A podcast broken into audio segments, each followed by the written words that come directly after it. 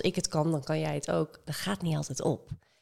Iedereen heeft andere omstandigheden, iedereen heeft een andere achtergrond, iedereen heeft andere privileges, geleefde ervaring, uh, trauma, mentale gezondheid en noem maar op. Vaak zijn we zoveel meer tijd kwijt met onszelf veroordelen op wat we doen. Dan, bedoel, als je dus weer hetzelfde verhaal met in bed blijven liggen, nou geniet er dan maar van. Als je dan toch zit te scrollen, nou geniet er dan maar van. Maar He, blijf niet ertussenin zitten. Ja, ik blijf wel scrollen, maar ik zeg ook tegen mezelf... oh, dat is echt waardeloos dat je dit doet. Je zou ook nu heel veel andere dingen kunnen doen. Dat is wat je brein dus ook gaat die, doen. Uh, uh, andere kant van jezelf omarmen. Ja, absoluut. Ja, God, we zijn zo, we moeten allemaal zo perfect zijn. Kritisch zijn we. Oh nee, nee, ik scroll nooit. Nee, en ik sport vijf keer per dag. En uh, ja. ja. ik streef heel erg naar menselijkheid. Gewoon menselijk. Um, tuurlijk, binnen, binnen, dat alles kun je hartstikke optimaliseren en, en ontwikkelen. En, en ik ben dol op persoonlijke groei, maar wel in het menselijke. Ik wil ook gewoon heel erg omarmen dat ik allemaal dingen heb... Uh, waar een ander van zou zeggen, daar ben ik niet trots op. Nou, ik ben er ook niet niet trots op. Het is gewoon een deel van mij. Ja. That's it. En ja. dat mag er zijn. Welkom bij de Op Inspiratie podcast. Mijn naam is Jan Dekker en samen gaan we op ontdekkingsreis om ons leven vol tips en trucs nog leuker te maken. Wil jij meer energie en heb je andere gezondheidsdoelen? Doe dan gratis de VitaKruid vitamine test en krijg persoonlijk advies over welke voedingssupplementen bij jou passen. Doe dit via de link vitakruid.nl slash opinspiratie. Slimme mensen zoals jij weten dat wanneer ook jij deze podcast gaat liken, delen of op gaat abonneren, zo nog meer mensen kunnen inspireren. Doen dus. En wanneer je mooie inzichten uit deze podcast haalt, kan je mij ook sponsoren via opinspiratie.nl. Zo kunnen we nog meer afleveringen maken. Janne, nou, tof dat je er bent. Um, uh, ik heb jou uh, uh, als tip gekregen via mijn vriendin. Die had een klant oh. in, de, in de kapperstoel zitten. Oh, dat wist ik niet eens. En die Leuk. zei, nou, Janne Schuin is echt een, een goede mindset coach, heel praktisch. Um, nou, kun jij iets meer vertellen over jezelf? Altijd de brede vraag, kun je iets vertellen over jezelf? Ja, ik kan heel veel vertellen over mezelf. Um, laten we starten bij nou ja, waar je het over hebt natuurlijk. Inderdaad, ik ben een vrij praktische mindset coach. Ja, ik vind die term altijd al een beetje, ja, mindset coach, wat is dat dan precies? Life coach. Um, dat omvat natuurlijk best wel veel. Um, ik geloof heel erg in een, ja, meer een aanpak die onderbouwd is. Onderbouwd en inderdaad praktischer en vooral genuanceerder. En um, ik denk dat, dat die praktische kant, ja, ik, ik wil het heel veel tegelijk zeggen. Die praktische kant die is zeker aanwezig, uh, maar die kan ook al vaak ongenuanceerd worden. Omdat het dan is van, hey, doe dit, doe dit, doe dit. Dat, dat klinkt, in onze oren klinkt dat praktisch. Um, echter, ja, doe dit, doe dit, doe dit. Als ik het kan, dan kan jij het ook. Dat gaat niet altijd op. Iedereen heeft andere omstandigheden, iedereen heeft een andere achtergrond, iedereen heeft andere privileges, geleefde ervaring, uh, trauma mentale gezondheid en noem maar op. En daarbinnen, daar is gewoon een heel, niet eens grijs, maar genuanceerd gebied. Um, en, en daarin is het belangrijk om absoluut te kijken naar hè, hoe werkt je mind, hoe, hoe werken gedachten en wat voor invloed hebben ze op je leven. Um, maar ik probeer altijd heel genuanceerd te blijven en heel erg te kijken natuurlijk naar praktische zaken van hè, wat kan helpen maar nooit dit werkt voor iedereen of dit, dit is hoe het is. Ja. Want dat verschilt. Ja. Daar heb ik eigenlijk nog niks over mij verteld. Maar We hebben nog even. ja, ja dat, dat is. Um, wij, wij praten ook liever bijvoorbeeld over een vervuld leven. Um, omdat geluk zo is van ja, wat, wat is dan geluk? En um, is dan geluk vooral blij zijn. Want bijvoorbeeld in mijn eigen leven nou, spelen best wel veel factoren waardoor ik echt niet elke dag blij kan zijn. Dat, dat lukt gewoon niet, omdat er gewoon veel speelt en, en ook best wel zware dingen zijn. Kun je dat noemen? nou, bijvoorbeeld mijn zoon met een hersenaandoening. Dat uh, is iets wat, waar ik me niet uh, positief uit kan denken, bijvoorbeeld. Hè. Dat, dat is gewoon een omstandigheid in mijn leven, een factor in mijn leven... Waar, waarvan ik natuurlijk kan zeggen van ja, daar moet ik gewoon mee leren omgaan. En dat is wel zo. Um, maar het leven is natuurlijk altijd donker en licht en, en al die dingen bij elkaar. Dan wil ik niet zeggen dat het leven met mijn zoon gelijk donker is, maar het is ook donker en licht. Net als alle dingen. Dus um, ja, de hele ja, de, de factoren die allemaal meespelen in iemands leven, die ehm, maken dat je nooit zomaar kunt zeggen, ja, ik ben gelukkig. Tenminste, ik vind dat heel lastig altijd als iemand mij zou vragen, hey, ben je gelukkig? Ja, ligt er een beetje aan op welke dag je me dat vraagt, hoeveel ik heb geslapen. Ehm, het is heel erg eh, afhankelijk van die omstandigheden, de kleine omstandigheden per dag, maar ook de grote dingen in je leven die spelen. En ehm, ik voel me wel heel vervuld. En dat, dat voelt voor mij nog weer wat anders dan alleen maar, ja, ben ik gelukkig of blij. Ja. Hoe kun je daar naartoe leven als je dat nog niet hebt bereikt, dat vervullende gevoel wat jij hebt? Uh, hoe wij het onderscheiden is uh, een stuk zelfinzicht, uiteraard. Hè, weten wie je bent, weten wat je wil, waar je voor staat, wat je belangrijk wil maken in het leven. Um, en dan met dat laatste gaan we ook al gelijk door naar onze tweede pijler, dat is zingeving. Dus los van alleen maar zelfinzicht draait natuurlijk heel erg om jezelf, ik, ik, ik. Uh, maar we leven natuurlijk allemaal in een wereld met anderen. En je kunt nooit alleen maar op jezelf focussen. Sterker nog, wetenschap hè, heeft, uh, wetenschappelijk onderzoek heeft uitgewezen dat een overfocus op het zelf juist ongelukkig maakt. En, en uh, wat juist gelukkig kan maken, is ook focussen op anderen en op zingeving en op samen en samenleven. Um, dus dat is ons tweede pijler, zingeving. En wat wil je belangrijk maken? En wat speelt er allemaal nog meer in de wereld behalve jezelf? Hè? Want anders wordt het ook heel erg ingezoomd op jou. Terwijl ja, de wereld is zo groot. En soms werkt het juist heel relativerend om soort van iets uit te zoomen en, en helikopterview te zien van ja, ik ben maar zo'n klein pionnetje en er is zoveel. Um, niet dat je jezelf helemaal niet te goed te voelen, maar dat is natuurlijk dus die balans. En als derde pijler hebben wij um, binnen ons programma bijvoorbeeld autonome actie. Dus actie ondernemen, maar wel vanuit een autonome plek. Want we ondernemen denk ik heel vaak actie, maar vanuit een plek van dit wordt er van mij verwacht, um, dit is wat de rest doet, uh, mening van anderen, maatschappij, nou dat. Dus voor ons zijn die drie pijlers in ieder geval de richting naar een vervulder leven. Dat als een van die drie ontbreekt, um, wordt dat denk ik lastiger.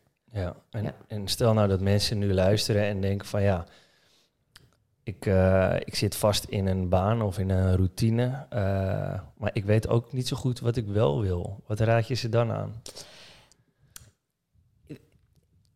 in een in baan, te, baantechnisch zeg maar. We hebben bijvoorbeeld ook een, een coach bij Anders Kans weet mijn bedrijf. Um, zij is oorspronkelijk ook loopbaancoach. En zij zegt ook altijd van ja, loopbaancoaching, eh, als we het echt hebben over werk en banen. Tuurlijk draait het uiteindelijk ook om welke werkvelden zijn er allemaal en wat, wat kun je allemaal.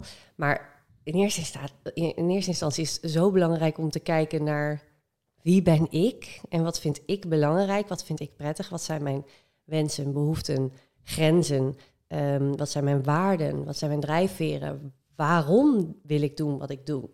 En ik denk dat bij de meeste mensen daar al helemaal geen antwoorden zijn. Dus dan kun je wel kijken naar wat voor werk wil ik doen. Maar werk is natuurlijk um, ook verschillende factoren. Namelijk de een die vindt werk vooral belangrijk van ja, verdient het goed. ik ga er gewoon heen, ik doe wat ik moet doen en ik ga naar huis en ik krijg geld op mijn bankrekening. Dat is voor mij goed genoeg. Dat, dat is voor sommige mensen prima. En voor een ander gaat het juist veel meer om um, de collega's of de de, de team vibe of, um, hè, of er niet een bepaalde hiërarchie is of juist wel. En voor weer iemand anders is vooral belangrijk uh, de tijden. Of de, dus wat zijn je drijfveren? Wat zijn je waarden? Wat vind je belangrijk binnen dat werk? Als je, als je dat soort dingen al niet weet van jezelf, um, dan is het denk ik altijd alleen maar kijken naar ja, wat voor werk is er allemaal en wat spreekt me een beetje aan. En daarin dan nog zou ik zeggen, hè, probeer, probeer gewoon dingen uit. Alleen daar zit natuurlijk ook al een enorme drempel voor heel veel mensen. Ja, maar dan verlies ik dit en ja. krijg je verliezenversie. Nou, dat is weer een heel ander onderwerp. Um, dus zomaar dingen uitproberen, dat, nou, dat heb ik wel gedaan vroeger, uh, alweer lang geleden, jobhoppen van hier tot Tokio. Maar dat, dat heeft mij uiteindelijk wel meer geleid naar wat ik allemaal niet wilde in ieder geval. Maar goed, als je inmiddels 30 plus bent en kinderen hebt, dan snap ik dat je niet zomaar zegt, nou, ik ga weer even wat anders uitproberen. Dat, Omdat je hypotheek hebt te Precies, betalen, dat is, weer, dat is weer te makkelijk gezegd. Nou, probeer maar gewoon dingen uit. En daarom denk ik vooral eerst dus terug naar... We hebben ook best wel veel mensen in ons programma's die, die inderdaad in eerste instantie kwamen met... ja, ik weet gewoon vooral niet wat voor baan ik wil. En dan denk je, nou dan moet ik gewoon met een loopbaancoach gaan kijken. Wat voor banen zijn er allemaal en, en wat kan ik dan? Wat zijn mijn kwaliteiten en vaardigheden? En tuurlijk is dat ook een onderdeel. En dat doen we ook in ons programma. Maar dat eerste stukje, het fundament van wie jij bent. Ja, echt de basis van wie jij bent als mens. Plus jouw vaardigheden en je kwaliteiten, je competenties. Die maken uiteindelijk of je gelukkig gaat zijn in je baan of niet. Ja. En ook niet elke dag, want niemand is elke dag gelukkig in. in hè, maar ook daarin weer nuance. Maar ja, ik denk dat dat altijd bij die basis begint, waar het ook om gaat. Welk probleem in het leven je ook tegenkomt. Het gaat altijd weer om, wat vind ik belangrijk? Wat zijn mijn wensen? Wat zijn mijn grenzen? Wat zijn mijn behoeften? Wat, wat is van mij en wat is van een ander? Ja. Ja, zelf heb je daarin uh, inderdaad ook een uh, mooie reis ondergaan. Dat je bijvoorbeeld van je uh, personal training meer richting mindset gedeelte bent gegaan. Ja. Puur door te proberen. Ja, eigenlijk wel. Ja, en ook omdat het toen ook al wel een onderdeel was. Ehm, alleen ik benoemde het nog niet zo of zo. Ik had het nog niet zo onderscheiden, maar dat was er natuurlijk al wel. Ja. Want dat, ik, ik denk dat de meeste personal trainers dat zullen kunnen beamen. Dat, dat je eigenlijk altijd wel een groot stuk mindset in je werk moet meenemen. Je kunt niet alleen maar tegen iemand zeggen: hier is je schema voor voeding, hier is je schema voor training. Nou, succes. Want als het zo makkelijk was, dan, hè, dan had iedereen een perfect voedingsschema, ritme en, en trainde iedereen uh, erop los. Dus dat, dat, zo werkt het gewoon niet. Het zit vooral allemaal hier. Ja. ja. En wat, wat zijn die gedachten dan? Hoe kun je dat uh, trainen, als het ware? Is het een soort van uh, spier? Wat bedoel je trainen? Nou, je kunt je gedachten misschien wel trainen door, door bewuster te worden, waardoor je betere keuzes kunt maken. Ja, in principe, je gedachten komen natuurlijk overal vandaan. Ze komen sowieso uit nou, de evolutie van je brein. Je brein is gaan groeien als mens, helemaal van honderdduizend jaren geleden. Is gaan groeien. Uh, er komt natuurlijk familie bij, uh, je ouders. Toen je, ik bedoel, kan hier zo uitgebreid over zijn als ik wil, maar eh, in het heel kort, je hebt natuurlijk, je wordt geboren, je hebt ouders die hebben een bepaalde visie, een bepaalde opvatting over het leven. Die vinden van alles van alles. Dat, dat is gewoon, elk mens vindt van alles van alles. Um, hebben overtuigingen die zowel helpend zijn als niet helpend zijn. En dat projecteren ze natuurlijk allemaal deels op jou. Dat is logisch, dat is heel normaal, dat is heel gezond. Ja. En het is ook heel gezond dat je dat als baby, kind vooral, hè, als jong kind, allemaal overneemt van je ouders. Want nou, wie moet je, ik bedoel, dat, je hebt zelf nog geen referentiekader. Natuurlijk luister je naar je ouders. Als je ouders zeggen, gras is niet eetbaar. Dat, dat neem je dan uiteindelijk gewoon aan. In eerste instantie niet, want je gaat het uitproberen. en zand en weet ik veel wat allemaal. Maar uiteindelijk neem je aan, oké, nou, als mijn ouders zeggen dat... Uh, oh, ik veel, gelukkig gemaakt. En dat olifanten niet bestaan, of niet vliegende olifanten niet bestaan, olifanten wel. Maar inderdaad, en dat je uiteindelijk een goede baan moet krijgen. En dat je hard moet werken. En dat je goed je best moet doen. En dat um, huilen voor mietjes is. En nou, en ga zo maar door. Worden. Precies. En dan komen we alweer bij de dingen van hmm, wanneer is het nog een feit en wanneer is het een mening, een opvatting, een overtuiging? En daar is altijd een beetje grijs gebied, want we zouden kunnen zeggen, in principe is alles neutraal, ja. totdat we er iets van vinden. Dan is het altijd ja, genuanceerd als ik altijd wil zijn. Ja, alles neutraal, alles neutraal. Ik bedoel, als ik jou nu een stoot op je neus geef, kunnen we nog steeds zeggen, nou, dat is hartstikke neutraal. Alleen als jij er iets van vindt, dan is het pas negatief. Eh, dat, dat, is dus een beetje dat. Ja, daar schuurt het. En natuurlijk ook bij, bij ehm, ja, uh, dan kunnen we, zouden we bijvoorbeeld kunnen zeggen, nou, als van de wet, hè, als vanuit de wet uh, niet mag, dan. Maar goed, er zijn ook landen waarin ze zeggen, ja, je mag met een 13-jarig meisje gewoon gaan trouwen. Maar wij vinden dan weer, hè, tenminste wij in het beste en wij wie, maar goed. Het zijn allemaal concepten. Dus allemaal concepten um, waarvan ik dus, dus nooit zomaar wil zeggen van nou, alles is neutraal, niks is erg. Ik bedoel, als, als mijn zoon uh, gediagnosticeerd wordt met een hersenaandoening, nou is neutraal. Het is maar net wat je er zelf van vindt. ja, precies, ja, dan stoot ik je dus op je neus. Ja, logisch. dus dus oké, maar goed, even terug naar in principe, als we niet naar zulke, zulke dingen kijken, maar meer naar, oké, uh, de, de wat, ja, wat is dan rustiger, maar dan weer het rustigere dingen in het leven die gebeuren, waarin je kunt zeggen, ook stoot dit glas om. Ja, in principe is dat neutraal, want het is gewoon water en ik kan dat droog, eh, ik kan ermee omgaan zoals ik wil. Dus dan komen al die gedachten en al die interpretaties. Of ik krijg een appje van een vriendin die stuurt, oké, Nou, alleen dat, ja. Alleen dat, ja, Maar ja, dus. Ja, en ja, nou, dan gaat je brein natuurlijk al aan de haal met... ja, nou, dan zal ze wel uh, boos, zijn. boos zijn. Of um, ze zal het wel niet leuk hebben gevonden wat ik stuurde. Of uh, ze heeft geen tijd voor mij. Ja, je kunt er van alles van maken. Jouw eerste ingeving is, oh, boos zijn. Maar iemand anders in eerste ingeving is misschien... oeh, gaat het wel goed met diegene? Oh, ze is vast verdrietig of uh, weet ik veel. Dus letterlijk iedereen heeft daar weer een andere ja, interpretatie van. Dus die interpretaties gaan ontdekken bij jezelf vooral in hoeverre zie ik dat allemaal als waarheid. En dat betekent niet dat, hè, dat niks van wat je denkt uh, waar is of wat dan ook. Het, het, gaat, het boeit me eigenlijk niet eens, is het waar of niet? Want dan is het weer, ja, wie bepaalt dat? Het gaat erom, helpt het je of niet? Om dat te geloven en dat te denken en om die gedachten te blijven herhalen aan jezelf. Uh, en dan komt er natuurlijk nog de maatschappij op, bovenop. Die er ook wat bovenop, Ja, die, die jou ook. Ik bedoel, als jij opgroeit in een door mannen gedomineerde ehm, wereld, zoals nou ja, onze moeders, oma's uh, en eigenlijk nu nog steeds, maar vooral bijvoorbeeld als we kijken naar de vijftiger jaren, ja, als je in die wereld opgroeit, dan heb je ook andere opvattingen en overtuigingen, zoals mijn oma, die ja, gelooft nog steeds andere dingen waarvan ik denk, nou, oh, het is 2022, waar hebben we het over? Ja. En toch, ja, ik begrijp het ook, want als je in die wereld bent opgegroeid, dan is dat een deel jouw waarheid over waarschijnlijk 50 jaar weer zeggen we nou in 2022, toen dachten we nog dit en dit. Oh, ja, jeetje, ja, jeetje, zeker. hoe we toen leefden. Nou, dus um, al die factoren bij elkaar maken dat je bepaalde dingen gelooft, dat je bepaalde dingen denkt en dat je daar ook enorm aan vasthoudt als jouw waarheid. Want het is ook voor jouw gevoel jouw waarheid. Wij hebben een, een bepaalde methode, om het even zo te zeggen, um, die die lijkt op bijvoorbeeld 5G-schema. Ik weet niet of je dat kent vanuit de cognitieve gedragstherapie. Of ehm, je hebt ook zo'n life coaching model. Ehm, en daar gaat het heel erg veel over je gedachten creëren altijd jouw gevoelens. En jouw gevoelen, gevoelens, emoties creëren altijd jouw gedrag. Dat is vanuit de wetenschap een beetje wiebelig. En uh, daar geloven wij ook niet zo in. Wij geloven vooral in dat het altijd een drie-eenheid is. Het is altijd gedachten, gevoelens en gedrag. Ze zijn altijd wel ergens met elkaar verbonden. En soms komt eerst je emotie ergens over en dan heb je er vervolgens allerlei gedachten bij. En dan handel je. En soms uh, handel je direct uit emotie en ga je daarna er pas over nadenken. Je bedoelt de basis emoties echt? Ik bedoel al je emoties, gewoon letterlijk alle emoties maar die ook je jaloezie? Hebben.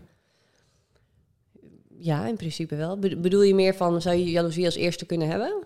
Ja, ik, ik denk meer zeg maar, uh, kijk, je basisemotie, zoals uh, blijdschap uh, of boosheid. Mm -hmm. ja, het, ik neig er zelf naar dat dat eerst ontstaat, zeg maar. Dat, dat je echt een reactie kan hebben, bijvoorbeeld als een, een kind lacht of zo, dat je ook lacht, zonder mm -hmm. daarbij na te denken. Ja. Of een kind valt, dat je schrikt. Ja, zeker. jaloezie, ja zie ik toch een beetje anders. Omdat ik dan bijvoorbeeld, um, hoe moet ik dit zeggen? Nou, stel dat je met je partner je loopt over, uh, over straat. Mm -hmm. En uh, zij of hij kijkt naar een andere man, vrouw of misschien wel hetzelfde geslacht, maakt niet zoveel uit. Mm -hmm. Ik heb voor mezelf wel de bepaalde ruimte dat ik dan niet jaloers hoef te worden of zo. Bedoel je omdat je er eerst bewust over gaat nadenken? Ja, ja, dat kan. Ja. ja. Dus dat zal bij iedereen een beetje verschillen. Ik geloof wel dat als eenmaal het zo in jouw patroon zit om jaloers te worden zodra jouw partner naar een andere persoon, een ander mens überhaupt kijkt, jij altijd hè, bij jezelf jaloers bent geworden, dat dat dan een heel snel proces kan zijn dat je automatisch je jaloers voelt. Ja. En daarna pas gaat nadenken, oh ja, ik voel me weer jaloers. Oh ja, dat zou ik niet meer doen. Oh ja. En kan je dat dan ook veranderen nog?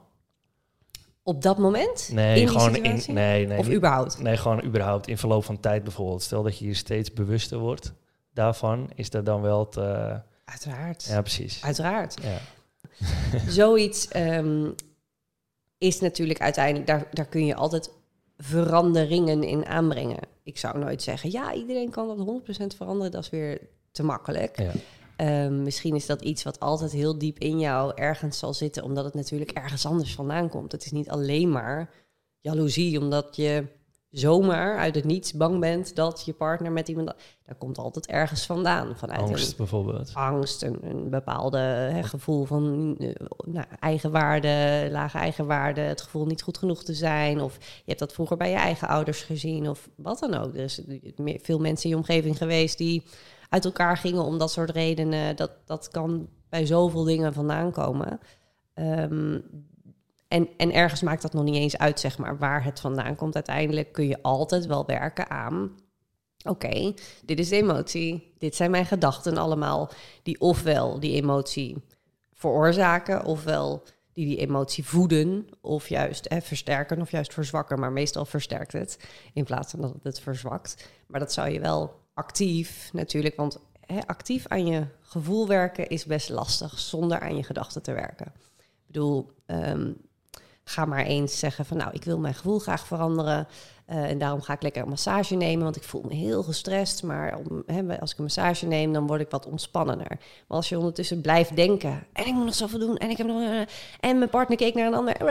Ja, dan ga je ook niet ontspannen raken van die massage. Dus je blijft het altijd op een of andere manier voeden en versterken, of juist niet.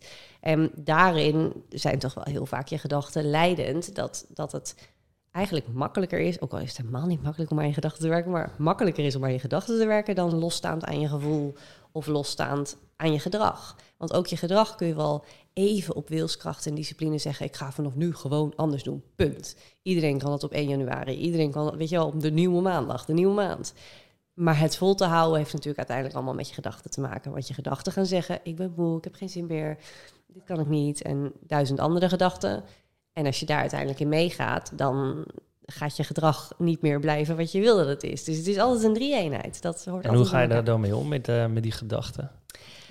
Um, in mijn visie in ieder geval, ik geloof niet um, in zomaar zeggen... ik ben moe. Ik heb, ben helemaal niet moe. Ik ben hartstikke energiek. Ik voel me fantastisch dat werkt gewoon voor de meeste mensen niet. Want je gelooft jezelf niet. Je, je, je, bent niet oprecht. Nee, je lijf denkt gelijk, ja, allemaal hoela. Ik bedoel, nou, heel veel ouders zullen het herkennen met niet slapende kleine kinderen.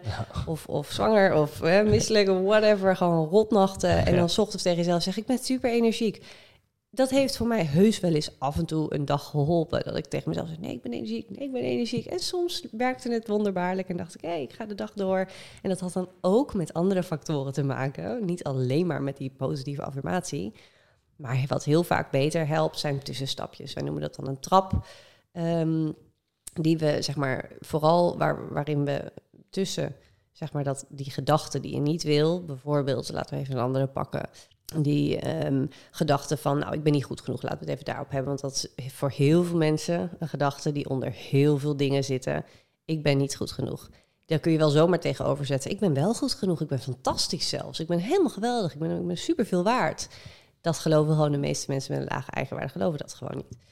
Dus je kunt daar zoveel tussen zetten van ik ben onderweg naar geloven dat ik goed genoeg ben. Of um, het zelfs een beetje, beetje buiten jezelf plaatsen, omdat het dan voor sommige mensen iets geloofwaardiger is om bij anderen te zien dan bij jezelf. Namelijk, er zijn mensen die um, bijvoorbeeld heel veel hebben meegemaakt, of die ook gescheiden ouders hebben, of die ook dit en dit, en die toch goed genoeg zijn. Of um, er zijn mensen die ontslagen zijn en toch goed genoeg zijn. Of ik, nou, en daar kun je van alles tussen zetten. Of, nou, ik ben oké, ik mag er zijn, ik mag in ieder geval bestaan. En dan zo kun je steeds meer komen naar die, hè, vanuit realistischere gedachten, waar je best wel bij kan komen, waar je best wel in kan geloven. Als je die aan jezelf kan herhalen en vanuit die positie kan komen, ik geloof dat je gedrag dan anders zal zijn dan vanuit een kortstondig, nee, ik ben wel goed genoeg, oké, ik ga nu iets doen volgens mij val je dan altijd weer terug in je oude patronen. In de meeste gevallen. Niet bij iedereen. Er zijn altijd uitzonderingen die vanaf nu ineens heel positieve affirmaties en elke dag fantastisch is. Maar bij de meeste mensen is dat gewoon niet zo. En stel nou dat, uh, stel nou dat je bijvoorbeeld uh, moeilijk wakker wordt. Ik vraag dit voor een vriend. ja. en uh, het is moeilijk om je bed uit te komen. Ik moet zeggen, je, je neocortex die, die werkt dan bij mij nog niet zo heel erg goed. Hè? Ehm, wat kan je daar dan praktisch aan doen? Ik ben natuurlijk geen slaapexpert en al dat soort dingen, maar want kun je focussen op beter slapen. Maar um, uh, in principe, als jouw brein gelijk aangaat op uh, dit is want wat denk je dan? Wat denkt je vriend dan als die wakker wordt? Hij denkt, oh ik lig zo lekker, ja. die dekens liggen zo lekker om me heen, uh, ik blijf lekker liggen. Ja, en daarin, daarin zou je natuurlijk kunnen focussen op... oké, wat wil je dan denken? Nou, ik wil denken, oh, die dekens liggen verschrikkelijk... en uh, eruit gaan is veel fijner. Nou, ja. dat geloof je denk ik gewoon niet. Klopt. Um, hij gelooft dat hij niet. gelooft dat niet. Nee, dat is wat je, wat je al had verteld. Hij zit hier onder de tafel mee te... um, dus je kunt het tegenovergestelde er tegenover zetten... en dan kijken, wat zit daar tussenin? Nou, bijvoorbeeld, ja, de dekens liggen echt ontzettend lekker. En uh, er zijn ook andere dingen die ik wil doen die me waarschijnlijk ook energie geven. Of de dekens liggen ontzettend lekker, maar als ik hier nog een uur blijf liggen, voel ik me waarschijnlijk juist weer. Ja. Of um, dus je kunt er tussengedachten tussen zetten. Maar je zou natuurlijk ook gewoon vooral kunnen focussen op: oké, wat haal ik er. Want je haalt er iets uit om te blijven doen wat je eigenlijk zegt niet te willen. Je haalt er wel wat uit, anders bleef je het niet doen. Nou, wat je eruit haalt is comfort. Ja. Hè, het is gewoon prettig. Het voelt warm en fijn. En um, ja, ik ben nooit zo van het, van het shamen van die dingen. Want het is toch hartstikke normaal. Mensen ja, dat ze prettige, comfortabele dingen willen. Ja. En ja, in mijn boek staat ook wordt oncomfortabel met, hè, wordt comfortabel met oncomfortabel zijn. Um, maar dat betekent niet dat je vanaf nu alleen nog maar oncomfortabele dingen moet doen. Of dat je alleen maar uit je comfortzone moet. Of dat je alleen maar moet zeggen, en ik mag nooit meer blijven liggen. Ik denk dat het veel waardevoller is om te zeggen: hey, tuurlijk vind ik dit fijn. Ja, dit ligt heerlijk, zonder heel gezapig te worden. Maar dat erkennen en kijken, oké, en is dit dan echt iets waar ik autonoom voor wil kiezen? Wil ik er echt voor kiezen om te blijven liggen en er dan ook echt van te genieten? Want anders blijf, blijf je een beetje in niemands land. Ik blijf wel liggen. Maar, ik zeg ook steeds tegen mezelf, en ik mag hier niet liggen en uh, ben ik toch een slappe... En dan geniet je er ook nog eens niet van. Dus wat heb je er dan aan? Dus of er autonoom voor kiezen, dit is wat ik ga doen. Ik ga blijven liggen. Ik kies nu even voor comfort. Dat doe ik dan, weet ik veel, 30 minuten en dan ga ik er weer uit. Want dan zijn er ook andere dingen waar ik energie van krijg en waar ik blij van word. Maar het, ik denk dat het er vooral vaak in zit dat we niet kiezen. We kiezen niet voor blijven liggen, maar we kiezen ook niet voor opstaan. Dus het blijft een beetje zo'n net niet. En die is heel erg onprettig. En daar komen ook weer gedachten bij. niet alleen maar de gedachte, ik lig zo lekker, maar vooral ik lig zo lekker en dat is verkeerd. En dat is slecht. En, dat je er echt een label op plakt. Ja. ja. Want je vriend vindt het waarschijnlijk niet goed van hemzelf dat hij lekker blijft liggen. Ja, hij vindt het inderdaad niet fijn. Af en toe gebruikt hij nog wel eens een trucje en uh, dan telt hij af. Ja. Dat hij 3, 2, 1, go. Ja, en dan kan hij niet uh, twee dachten, gedachten tegelijk hebben. Dat wil nog wel eens werken. Ja. Of een goed bak koffie uh, als, als cadeautje om eruit te gaan. Maar dit is inderdaad ook wel een, een goede praktische tip. Ja, um, vooral omdat hij alle kanten van onszelf erkent. En dat willen we vaak niet. En zeker in mindsetland um, willen we op een of andere manier vooral focussen op alles wat nog meer kan en wat we moeten doen en wat, wat, wat sterk is en wat krachtig is en wat mooi is en positief is. Terwijl het is letterlijk gewoon de helft van jezelf praktisch, hè? de helft van je leven ontkennen. Want er zijn heel veel dingen ook gewoon aan onszelf. Weet je wel, ik, ik erken heel graag dat ik super chaotisch ben. En ik erken heel graag dat ik inderdaad ook dol ben op in bed liggen. Ik bedoel, ik lig er niet zo vaak helaas, maar ja, wel elke nacht, maar niet zo heel lang. Maar eh, ik, ik zou nooit zeggen, ja, ik, ja, ik hoef ook niet langer te liggen, want dat is zo jezelf ontkennen. En juist dat erkennen en omarmen en zeggen, ja, ik ben iemand die ook heel erg van het comfort houdt. En ik hou heel erg van s'avonds met een zak chips op de bank. En ik kies er ook regelmatig voor om dat niet te doen, omdat ik er ook weer andere dingen uithaal om het niet te doen. Ja. Maar niet het gaan shamen en uh, dat mag niet en dat is voor slappe mensen. En, uh, dat werkt niet in mijn optiek. Nee. um, ja, we hebben het nu een beetje over uh, patronen veranderen, hè, hoe je daar een beetje mee aan de slag kunt gaan. ook schreef je dat je hersens plastisch zijn. Hè, dus vooralsnog dachten we in de wetenschap dat, dat tot een bepaalde leeftijd je hersenen aan het groeien zijn. maar we zijn er tegenwoordig in de wetenschap ook achter gekomen dat ze nou ja, dynamisch zijn, uh, plastisch. Kun je daar wat meer over vertellen? Nou, ik voel me daar altijd een beetje. Ik ben natuurlijk geen uh, of een breinexpert. Dus ik, ik wilde altijd een beetje bij wegblijven om daar helemaal de diepte over in te duiken. Want dat zou ik nooit beter kunnen uitleggen dan iemand die daar wel daadwerkelijk meer verstand van heeft. Maar inderdaad, uh, algemeen bekend is inmiddels dat onze, uh, onze hersenen neuroplastisch zijn. En wat simpelweg betekent dat ze nieuwe verbindingen kunnen aanmaken. Dus ze kunnen nieuwe weggetjes maken in ons brein. Eh, dus als jij nu een bepaald, we, proberen dat in onze trainingen dan altijd heel visueel te maken, alsof het een bos is. in een bos heb je nou, de gebaande paden, letterlijk, daar wandelen we op. En af en toe zie je zo'n zo'n zijweggetje waarvan je denkt, kun je, daar, kun je daar lopen of kun je daar niet lopen? Nou, daar hebben wel mensen gelopen, maar dat loopt dan ook weer een beetje dood. Dat je denkt, nou, het is niet een echt pad, maar het is toch een weggetje. Je hebt allemaal van die bospaadjes. Volgens mij noemen ze dat, uh, als er heel vaak mensen overheen zijn gefietst, of zo olifantenpaadjes of olifantenweggetjes, nee. nou zoiets. Zo'n grappige naam voor. En op een of andere manier um, op een of andere manier, het is heel menselijk en logisch om te denken, ik ga gewoon voor het normale pad, het logische, uh, prettig bewandelbare pad. Want daar zijn geen omgevallen takken en bomen en daar hoef ik geen nou, zaag mee te nemen om er doorheen te kunnen. En uh, die gebaande paden in ons brein zijn bij ons dus de dingen die we altijd doen zoals we doen. Als wij ochtends altijd blijven liggen, omdat dat gewoon onze natuurlijke reactie is van, nou, ik blijf gewoon voor eeuwig liggen totdat het echt niet meer kan en dan ga ik eruit. Maar ergens vind ik daar wat van, ergens wil ik dat niet, ergens wil ik dat anders doen. Dan is dat anders gaan doen, dus een zijweggetje pakken. Maar die is oncomfortabeler, want daar liggen wel allemaal takken en weet ik veel. Daar moet je gewoon meer moeite voor doen. En vooral nog duizend keer overheen wil dat ook een fatsoenlijk pad gaan worden. En als jij er nog, hoeft niet letterlijk altijd duizend keer te zijn, soms wel, maar hè, als jij daar nog heel vaak overheen zou lopen, of als nog 60 mensen daar elke dag gaan wandelen over dat moeilijker begaanbare paadje, wordt dat vanzelf ook een beter pad. Omdat heel veel mensen gewoon al die takjes aan de kant trappen. En dat wordt op een gegeven moment beter begaanbaar. Dus het wordt makkelijker in je brein als jij een bepaald weggetje, wat nu nog niet helemaal daar ligt, om die verbinding goed te gaan maken, zul je hem vaker moeten gaan doen. En daar stoppen we natuurlijk altijd, want het is ongemakkelijk. En daarom zeg ik ook wordt comfortabel met ja, oncomfortabel zijn. Omdat als je altijd kiest voor comfort, dan blijf je altijd over de gebaande paden heen gaan. En dan wordt het aanleggen van die nieuwe neurologische verbindingen moeilijker. Of zelfs niet mogelijk op dat moment. Ja, dus herhaling uh, zorgt ervoor dat je de structuren in je brein uh, ja, toch een soort van kunt veranderen. Werkelijk kunt veranderen, absoluut. Ja.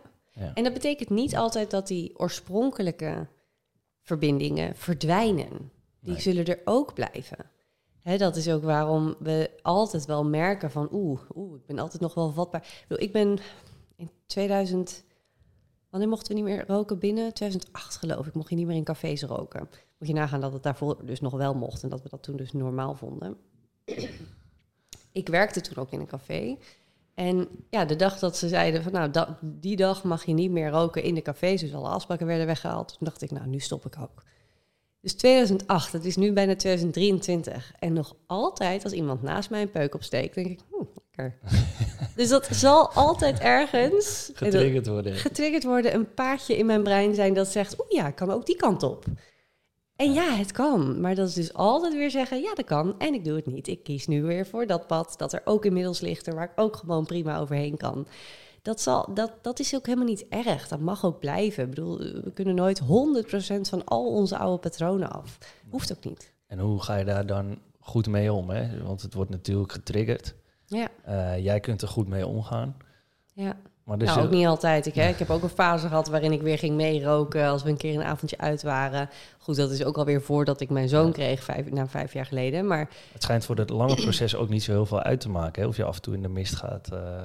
Nee, nou ja, dat ligt er natuurlijk aan in hoeverre je gelijk weer daarin terugschiet. En ook hoe vers het nog is. Hè? Ja, en met wat voor patroon. Ja, dus dat is ook weer genuanceerder. Maar um, dat, dat is alleen, kijk, want ik ken ook mensen, en we hebben nu dan toevallig over roken, maar dat geldt natuurlijk voor heel veel patronen. Ik ken ook mensen die zeggen van ja, maar ik moet echt niet meer één keer een peuk aanraken, want dan, dan ga ik echt gelijk weer roken. Dan is het voor mij heel moeilijk om de dag daarna weer te zeggen van nou, uh, en voor mij is dat, ja, nee, dat is dan echt gewoon even één keer en daarna niet meer.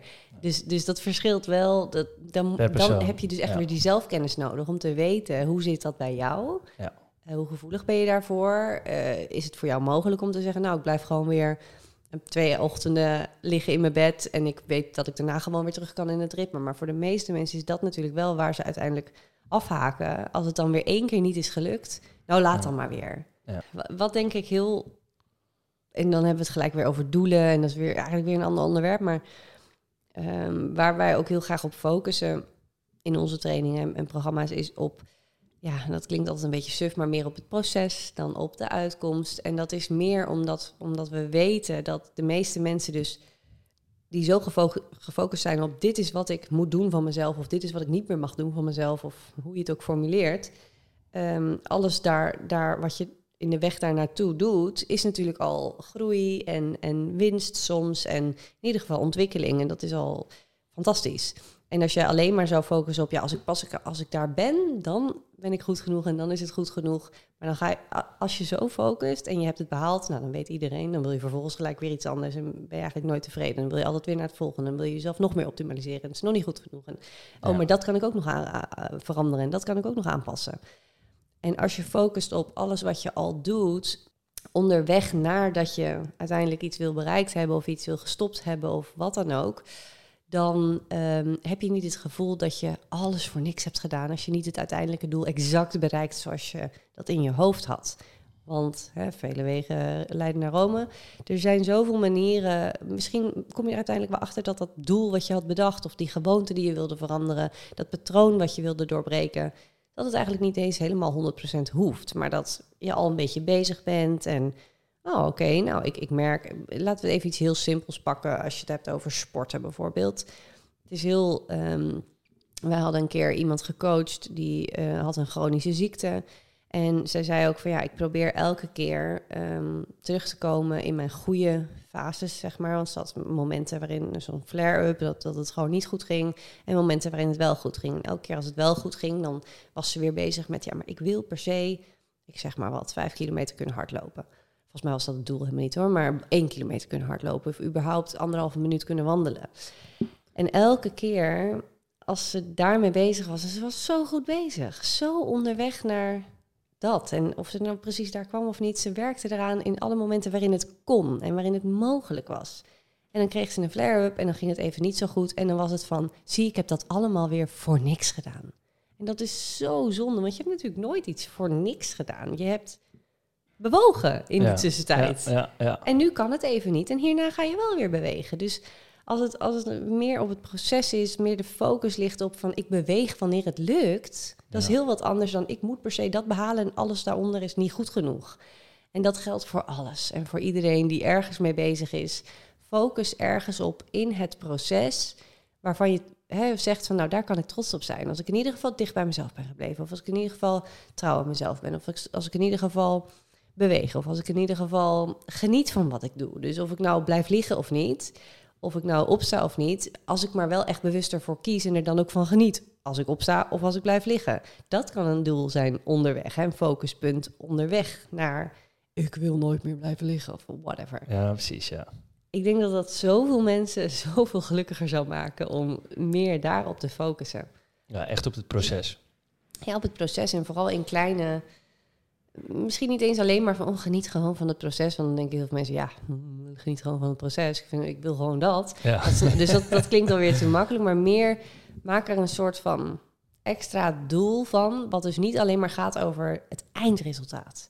Maar ook een doel wat je in de tussentijd voor jezelf kunt hebben. Bijvoorbeeld, er zijn heel veel mensen die als eindresultaat bijvoorbeeld willen hebben... niet meer naar de mening van anderen luisteren. Nou, dan zeg ik altijd al, dat is niet mogelijk. Want je luistert altijd ergens naar de mening van anderen. is ook belangrijk, is ook hartstikke... Als je Om je eigen mening ook te vormen. Ja, en ook gewoon überhaupt, we leven samen met anderen. Je kunt niet zeggen van, nou, het boeit me vanaf nu niks meer... wat mijn man zegt, of mijn kind zegt, wat niemand wil van me. Dat, dat is helemaal niet hoe je wil leven. Maar ik snap voor heel veel mensen die heel erg gewend zijn te pleasen in alles... dat dat dan even klinkt van boeit me niet meer. En dat, dat, klinkt natuurlijk als een mooi doel. Maar dat zou ik dan altijd al nuanceren en kleiner maken van oké, hè, ik, ik, en, en dat eindresultaat, dat is, dat sowieso al best wel heel erg onhaalbaar. Maar als je wel een iets haalbaarder eindresultaat zou, zou bedenken voor jezelf, dan nog is als je alles daar naartoe niet meetelt. Dus je bent pas goed als je echt uh, bijna niet meer geeft om de mening van anderen. In de tussentijd zou je ook kunnen zeggen, nou elke dag, ook al had ik wel momenten waarin ik even me liet leiden door de mening van een ander. Of waarin ik in een gesprek met mijn manager even niet durfde te zeggen wat ik echt vond. Ik ben wel dicht bij mezelf gebleven dat ik in ieder geval achteraf nog even heb gezegd: hey, uh, ik ben het misschien toch niet helemaal eens daarmee. Of dat ik in ieder geval ook niet heb gezegd van, bijvoorbeeld dat ik in ieder geval niet heb meegelachen met een of ander uh, racistisch grapje. En daar hoor ik ook veel mensen over van ja ja, ik wil eigenlijk wel gewoon mijn mening uiten. Maar ja, nou, dan je mening uiten, dat is voor sommige mensen zo'n enorm ver, groot, onhaalbaar doel. Ehm, in alle gevallen je mening uiten. Maar als je daartussenin kunt zien van, nou, ik, ik, ik ga in ieder geval niet 100% mee met de andere mening. Dat is ook dat al een stap, ja, precies. En het klinkt allemaal zo. En dat is omdat we natuurlijk gewend zijn om gelijk alles te willen en alles of niets. En ja, daar, daar ligt vaak dan uiteindelijk de niets als eindresultaat. En dat is zonde. Ja. Er kan zoveel meer uitgehaald worden. Ja, nou, vind ik een hele mooie, mooie praktische tip om uh, wat tussenstapjes uh, neer te zetten. Om te kijken van, hé, hey, wat is haalbaar? Uh, waar kan ik tussendoor van genieten? Ja, dat sowieso, dat sowieso, ja. In plaats van direct naar het eindresultaat en dan pas voel ik me goed genoeg. Ja, ja. ja.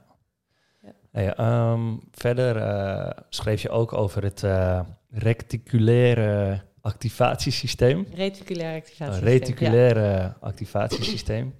Um, heel interessant uh, fenomeen in ons, uh, in ons brein. Ja. Um, vaak wordt er uh, ja, door verschillende mensen iets gekoppeld aan de law of attraction, om het zo maar te noemen. Um, jij omschrijft het wat wetenschappelijker. Wat betreft focus, hè, bijvoorbeeld, je denkt aan rode auto's of je wilt een rode auto kopen en je ziet ineens allemaal rode auto's verschijnen. Uh, kun jij dat op, uh, op jouw praktische manier uh, uitleggen hoe dat werkt in ons brein? Nou, ik denk vooral dat het, dat het belangrijk is om, om. Kijk, mij maakt het nooit zoveel uit of iemand het vanuit Love Attraction of vanuit waar je dan ook zelf in gelooft. Hè. Sommige mensen geloven in God, sommige mensen geloven in het universum. Ik vind het allemaal prima. Um, hè, zolang dat voor jou werkt op jouw manier. en zolang het niet wordt verkondigd als de waarheid. Daar, daar krijg ik altijd een beetje. Um, nou, dat schuurt bij mij. Um, dus, dus ook dit is misschien niet de waarheid. Het is wel inderdaad wetenschappelijker onderbouwd. Maar dan nog heb je mensen die zeggen, ja, wetenschap... Uh, Heeft het ook wel eens mis? ja, en, en dat is ook het mooie van de wetenschap. Die pretendeert ook niet de waarheid in ja, pas zeker. te hebben. Hè? Die is gewoon die is heel onderzoekend. En ik vind dat het mooie aan de wetenschap. Ja, dat is ook wel wat ik heb, Dat is ook inderdaad ook wat ik uh, heb geleerd bij wetenschapsfilosofie. Uh, daar zei de docent ook letterlijk... we hebben bepaalde ja, concepten, paradigma's, nou ja, voorlopige waarheid noemen we dat. En pas als er wat nieuws is, nemen we dat aan. Voor voorlopige waarheid weer. Ja, ja, precies. En ze pretenderen inderdaad nooit de waarheid. Dit is het voor altijd vanaf nu, punt. nee. exact. En dat is juist het mooie daaraan, dat, dat er niet... Um, dat, dat, er, dat, er, dat het nooit uitmaakt als iemand anders zegt van... ja, maar wacht eens even, misschien is het wel anders. De wetenschap zegt dan, oh, oké, nou, laat maar zien. Uh, die, die kijkt daar gewoon open naar. En ik heb juist het gevoel dat, dat dat heel veel mensen denken dat de wetenschap juist heel erg dit is het. En dat is dus helemaal niet. Het is juist heel nieuwsgierig. Oh, oh is er ook een andere mogelijkheid? Oh nee, dat was toch niet uh, bewezen. Oh, is het? Oh nee, dat is toch niet bewezen. En dat, dat vind ik het mooie eraan. Goed, terug naar je vraag. Um, ja. Reticulair activatiesysteem. Nou, het is, het is heel simpel en dat wordt dus, dus, dus Um, hè, waar je op je aandacht op focust, de, nou, ja, dat groeit. Ik weet niet eens hoe al die uh, quotes gaan. De, de, de mindsetland en persoonlijke groei en zo is, is natuurlijk helemaal gebouwd op clichés, uh, waarvan een heel veel deel, heel groot deel natuurlijk gewoon waar is, of waar voor de meeste mensen werkt. Dus ik bedoel, een cliché is meestal een cliché omdat het nou eenmaal ja. vaak voorkomt. Um, alleen ook daar ontbreekt weer die nuance. en ik heb het gevoel dat dat de meeste mensen um, dingen graag juist een beetje buiten zichzelf plaatsen. Zo van, oh, dan was het een sign of een teken. Of dan is het zo, dan moest het wel zo zijn. Of, en met het reticulair activatiesysteem kun je dat natuurlijk ook doen. Want in je brein werkt het letterlijk als een filter. Dus um, al die deeltjes van informatie die je continu de hele dag binnenkrijgt. En dan, um, nou, dat zie ik nu sinds een aantal jaar nu we onze zoon hebben, die heeft een uh, ernstige prikkelverwerkingsstoornis. Wat inhoudt dat alle deeltjes van informatie, die miljoenen, miljoenen deeltjes informatie die op ons afkomen, hem met al onze zintuigen, dus wat we zien, wat we ruiken, wat we horen, alles komt op ons af. En de meeste mensen zijn goed in staat om dat te verwerken in ons brein als nuttig en relevant of niet nuttig en niet relevant. Voor mij is het op dit moment niet heel erg relevant, relevant uh, om exact te weten welke boeken er allemaal in die boekenkast achter jou staan. Maar nu ik het eenmaal heb gezegd, ga ik erop focussen en denk ik, oh, maar wat staat er eigenlijk allemaal? En, en dan eh, zal ik het misschien ook meer zien. Dan zal ik misschien straks weggaan met een paar titels in mijn brein. Oh ja, dat had ik zien staan, oh ja, dat had ik zien staan. Als ik er niet op had gefocust, dan nog steeds mijn ogen zien het wel. Ja.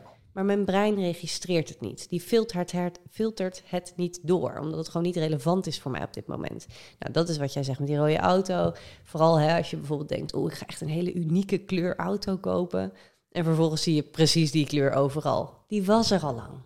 Die was er al. Alleen je zag hem gewoon niet, omdat het niet relevant was voor jouw brein. En dat geldt natuurlijk voor zoveel andere dingen. En daar, daar komen ook weer die overtuigingen en al die. Als jij heilig overtuigd bent dat. Ehm, en mijn man bijvoorbeeld, die. Uh, hoe noem je dat ook weer? Deels kleurenblind. Dus die ziet bijvoorbeeld een paar soorten kleuren, haalt hij altijd door elkaar. En de rest van de kleuren ziet hij gewoon wel goed. Maar hij is heilig overtuigd dat een bepaald vest van mij uh, groen is. Terwijl die camelkleurig, dus een beetje bruinig is juist. Dus als ik zeg, wil je mij dat bruine vest geven? Nou, zit hij echt in die kamer te kijken van, ik weet niet waar je het over hebt, maar er ligt alleen een groen vest. Nou, ik draag geen groen, dus nee. maar uh, dus, dus hoe overtuigd je kunt zijn van iets. Hij is echt 100% overtuigd. En dat is logisch, want hij ziet het ook echt als groen. Ja. En uh, dat is hoe overtuigingen natuurlijk ook zo sterk werken, dat je het echt op die manier ziet als echte waarheid. En toch is het dat niet altijd. Maar jouw brein zal altijd filteren op wat jij heel sterk als de waarheid ziet. Want dat zie je overal voorbij komen.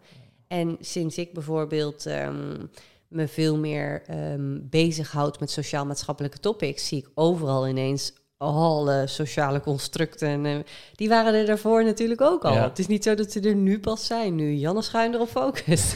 ze waren er al en ik zie ze nu pas. En dat is waarom het zo ja, waardevol kan zijn om te leren focussen op dingen die voor jou belangrijk zijn en die je graag wil. Dus om bijvoorbeeld, dus een heel klein deeltje, maar bijvoorbeeld te gaan kijken naar wat zijn mijn waarden, wat vind ik nou echt belangrijk en die heel specifiek te maken. Dus niet alleen maar de meeste mensen zullen zeggen, uh, ik vind familie belangrijk, mijn gezin, gezondheid. Ja, natuurlijk vind je dat belangrijk. Maar hoe ziet het eruit voor jou dan? Wat is dat dan voor jou? Gezondheid, is dat voor jou vijf keer in de week kunnen sporten en alleen maar biologisch eten? Of is dat gewoon en voor mij is gezondheid nu al. Ik ben al blij dat ik één keer in de week kan sporten. En dat ik in ieder geval mijn groente en mijn fruit op een dag binnenkrijg. En wat volkorenboterham. Dat is voor mij gezondheid. Of voor mij is gezondheid mentale gezondheid. En hè, dus wat houdt het voor je in? Dus heel specifiek daarin worden. Want dan kun je ook in je dagelijks leven, dan kan jouw filter, jouw brein ervoor openstaan. om in bepaalde momenten te kunnen kiezen voor jouw waarden. Om ze te zien van hé, hey, ik zie dat ik hier een keuze heb en ik zie dat ik ook kan dicht bij mijn eigen waarden kan blijven. En als je die niet helder hebt, ja, dan ga je dat ook niet eens als optie zien vaak. Heel vaak zeggen mensen natuurlijk hè, van ja, en toen gebeurde dit, dus toen kon ik niet meer anders. En dan denk ik, oh, kon je echt niet anders? Soms kan je, waren er echt geen andere opties? Nee, die waren er echt niet. Totdat iemand zegt, maar je kon toch ook dit doen of je kon toch ook dat doen? Oh, ook nooit over nagedacht. Je ziet het letterlijk niet omdat je brein het niet toestaat, omdat het voor jou niet voelt als relevant. Totdat je erop gaat focussen. Dus zo is je brein gewoon ontwikkeld. Ja, super slim. Ja, wel handig. Ja, want zoals bij mijn zoon komt dus al die informatie wel binnen. En dat is totaal niet werkbaar in je dagelijks leven. Dat is veel te veel. Ja, dus het is een beetje hetzelfde als stel dat uh, wij staan met z'n tweeën op een feestje met, uh, met elkaar te praten. Er staat daar een groepje mensen, die zijn met elkaar in gesprek. Uh, je hoort niks van wat ze zeggen. Nou, je hoort het misschien wel, maar niet bewust. Ja. je hoort je naam vallen ja. en ineens weet Denk je, je wordt over me gepraat. Ja. ja. dat hoor je wel. Ja. ja, omdat je brein zich daarop focust. Ja, of, of um, en dat is dus ook waar het zeg maar wat relevanter wordt met, met de overtuigingen en de dingen die je gelooft in het leven. Je hoort niks van hun gesprek totdat iemand iets zegt waar je echt fel op tegen bent. En dan denk je, hey, hallo, wat, wat zeg jij nou? Ja, ja. of wat jij naar vindt, of juist wat je heel goed vindt, of waar je heel erg mee bezig bent. Je hebt net een zelfhulpboek gelezen over dit en dit en dit, en je hoort iemand erover praten en je denkt, huh? hey, daar, dat, dat, daar weet ik wat van. Terwijl, ja, daarvoor was dat er ook allemaal al, alleen je zag het niet. Nee. Dus daarin, ja, ik geloof absoluut in en ga focussen op wat je wil, wat je belangrijk vindt, wat voor je werkt, wat helpend is. Sommigen noemen dat dan vooral positief. Ik noem het vooral helpend, want ja, sommige dingen zijn niet eens per se heel positief of mooi of blij, maar geven me wel zingeving, dus ik wil er toch op focussen. En dan ga je er letterlijk of meer daarvan zien, of meer dingen, meer mogelijkheden en kansen zien die daarnaar leiden. Ja, En dat kun je vanuit het universum bedenken, of vanuit God, of gewoon vanuit je brein. Dus het maakt niet eens uit waar je in gelooft. Dat, het concept is hetzelfde. Ja, ja. Uh, je schreef ook uh, een stukje over uh, visualiseren, maar dan ehm, ja, anders dan andere mensen misschien voor zich zien met visualiseren. Niet heel zweverig per definitie. Mm -hmm. wat, wat brengt het je en hoe kun je dat in de praktijk brengen? Eigenlijk heeft dat natuurlijk hier, heel veel hiermee te maken, wat we net vertellen. Um, als jij daarover over na gaat denken en daarop gaat focussen, dan ga je letterlijk daar meer mogelijkheden in zien. Ik heb uh, een paar weken geleden een post geplaatst. Um, omdat ik een paar onderzoeken had gelezen en een paar video's erover had gezien vanuit een wetenschapper. Die um, juist vertelde dat visualiseren en, en dat gaat staat haaks op wat iedereen uh, erover zegt. Dus, uh, dus misschien strijk je in de haren, maar visualiseren op wat je wil alleen maar heel tijdelijk werkt. En dat het juist heel goed kan werken om te visualiseren wat je precies niet wil. Dat staat haaks op de Law of Attraction natuurlijk. Um, maar het is wetenschappelijk onderbouwd dat um, als je heel vivid, heel, hoe heet dat, levendig gaat omschrijven aan jezelf: oké, ik wil dus dit bereiken, maar wat als ik stop? Wat als ik faal? Wat als ik ermee kap? Wat als ik na de eerste tegenslag voor de zoveelste keer weer zeg: ik doe het niet, ik kap ermee? Wat heeft dat dan voor gevolg? Hoe ziet dat er dan uit in mijn leven? Hoe ziet falen eruit? Dat dat juist voor veel langere termijn een motivatie geeft voor mensen, omdat we nou eenmaal verliesaversie hebben. We willen niet iets verliezen, we willen niet iets kwijtraken dat willen we nog meer. Hè, dat we iets niet verliezen dan dat we iets winnen. Ehm, dus alleen maar focussen op wat je wil winnen, werkt dus voor ons brein helemaal niet zo goed. Het werkt veel beter om te focussen op dit wil ik echt niet. Ik wil dit niet, niet verliezen. Hè, dat de kans op iets krijgen. Of ik wil het niet verliezen. Ehm, bijvoorbeeld, want ik vind voorbeelden noemen altijd moeilijk. Dat heb ik in mijn coaching ook altijd. Ik heb eh, twee coaches en die uh, zijn heel goed in metaforen en uh, vergelijkingen en voorbeelden. Dan zeg ik altijd, ja, voorbeeld. Christa, iemand? dan komen zij met allemaal mooie voorbeelden. Dus ik denk, oh ja, ja, dat, dat, precies dat. Had ik in mijn boek ook met het schrijven. Dat ik dacht, ja, voorbeeld, voorbeeld. Ik heb wel een mooi voorbeeld voor je hoor. Oh, nou kom maar. ja, wacht. Uit jouw boek. ja, echt? Ja. Oh. Ja, dat is voor mij te lang geleden, vier jaar geleden geschreven. Wat is het voorbeeld in mijn boek? Nou, uh, kijk, het, waar we het nu dus over hebben, is dat je eerder iets doet als het je negativiteit oplevert. Hmm, ja, je bedoelt negativiteitseffect. Ja, precies. Dus uh, dat je wat gaat missen, of dat het pijn doet, of dat je gaat lijden. Mm -hmm. Nou, bijvoorbeeld, uh, je kunt een miljoen winnen. Nou ja, winnen, je krijgt een miljoen als je dat bedrijf gaat opstarten die je echt wil. Mm -hmm. Wat ga je doen als jij weet welke stappen ga je zetten als je weet dat je sowieso een miljoen krijgt aan het eind? Of bijvoorbeeld, stel nou dat jouw benen uh, over een jaar af moet. Ga jij de, en je moet dan je bedrijf opstarten. Wordt het dan een succes? Of wordt het een succes als jij een miljoen krijgt? Nou, mm. ik denk dat, dat het eerder een succes wordt als iemand zegt over een jaar gaat je been eraf. Ja. Dan dat je zegt van nou ja, je hebt over een jaar een miljoen. Ja. En dat is denk ik precies het stukje wat jij uh, nu probeert uit te leggen. Ja.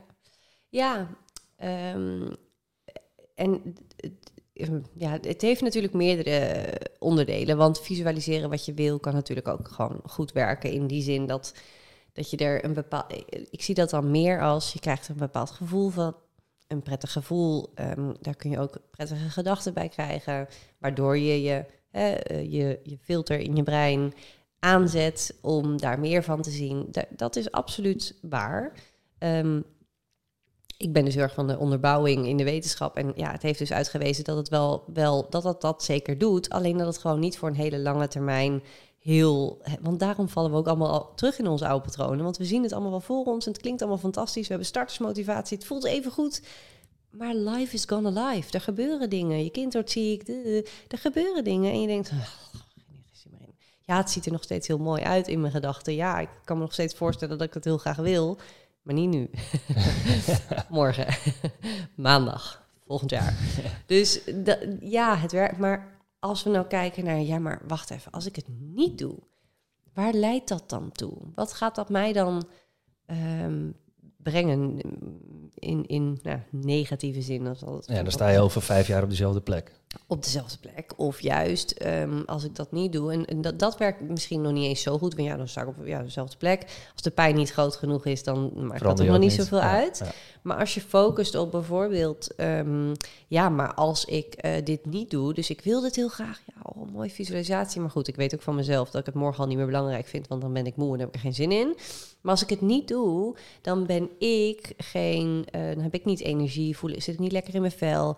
Dan ben ik ook niet de beste moeder die ik wil zijn. Dan, als ik het zo extreem zou maken, dat werd ook in dat onderzoek gezegd, als je het heel extreem maakt van ja, maar dan, dan, uh, dan geef ik dus eigenlijk mijn kind niet wat het verdient, namelijk een, een blije moeder, een gelukkige moeder die goed voor hem kan zorgen.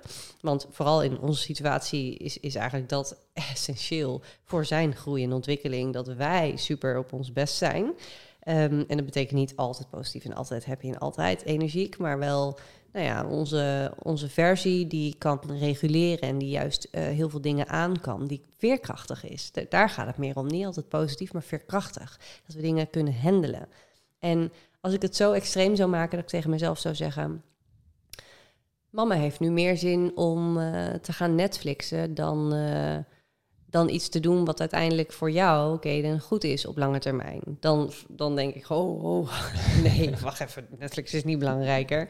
Dus dat zet even in perspectief van, ja, maar ik vond het toch belangrijk. En waarom vond ik het dan belangrijk? Oh ja, omdat ik dan de beste moeder kan zijn, dit, dat kan zijn. Dus de waarom-vraag. Uiteindelijk komt het neer op de waarom-vraag, maar je maakt hem iets sterker uh, en je maakt hem levendiger omdat je het gaat visualiseren. Hoe ziet dat er dan uit als ik dit uiteindelijk niet doe, omdat ik weer toegeef aan mijn oude patronen? Ja. Waar leidt dat toe? Dat leidt tot uiteindelijk dat en dat. En waar leidt dat toe? Nou, tot de gevoelens van uh, dit en dit en dit, verdriet of boosheid op mezelf. En het leidt tot weer nieuwe gedachten, namelijk ik ben geen goede moeder en ik doe niet het beste voor mijn kind. Oké, dat wil ik niet. Nee. en terug, wat kan ik wel doen? En, en soms werkt het om het dan dus iets kleiner te maken, omdat misschien het soms te groot en onhaalbaar is. We komen weer bij de kleine stapjes, maar ja, het heeft allemaal veel met elkaar te maken natuurlijk. ja. ja. ja. Ja, praktisch inderdaad. Ja, ja, ja. ja en, en dat van dat hè, been afhakken voorbeeld, lekker luguber, um, dat, dat werkt natuurlijk inderdaad beter. Maar je kunt natuurlijk niet alleen maar leven op, op die adrenaline van... oh, ik moet het wel nu doen, anders gaat mijn been eraf. Oh, ik moet het nu wel nu doen, anders gaat dit gebeuren. Oh, ik moet het wel nu doen, anders gaat dat gebeuren.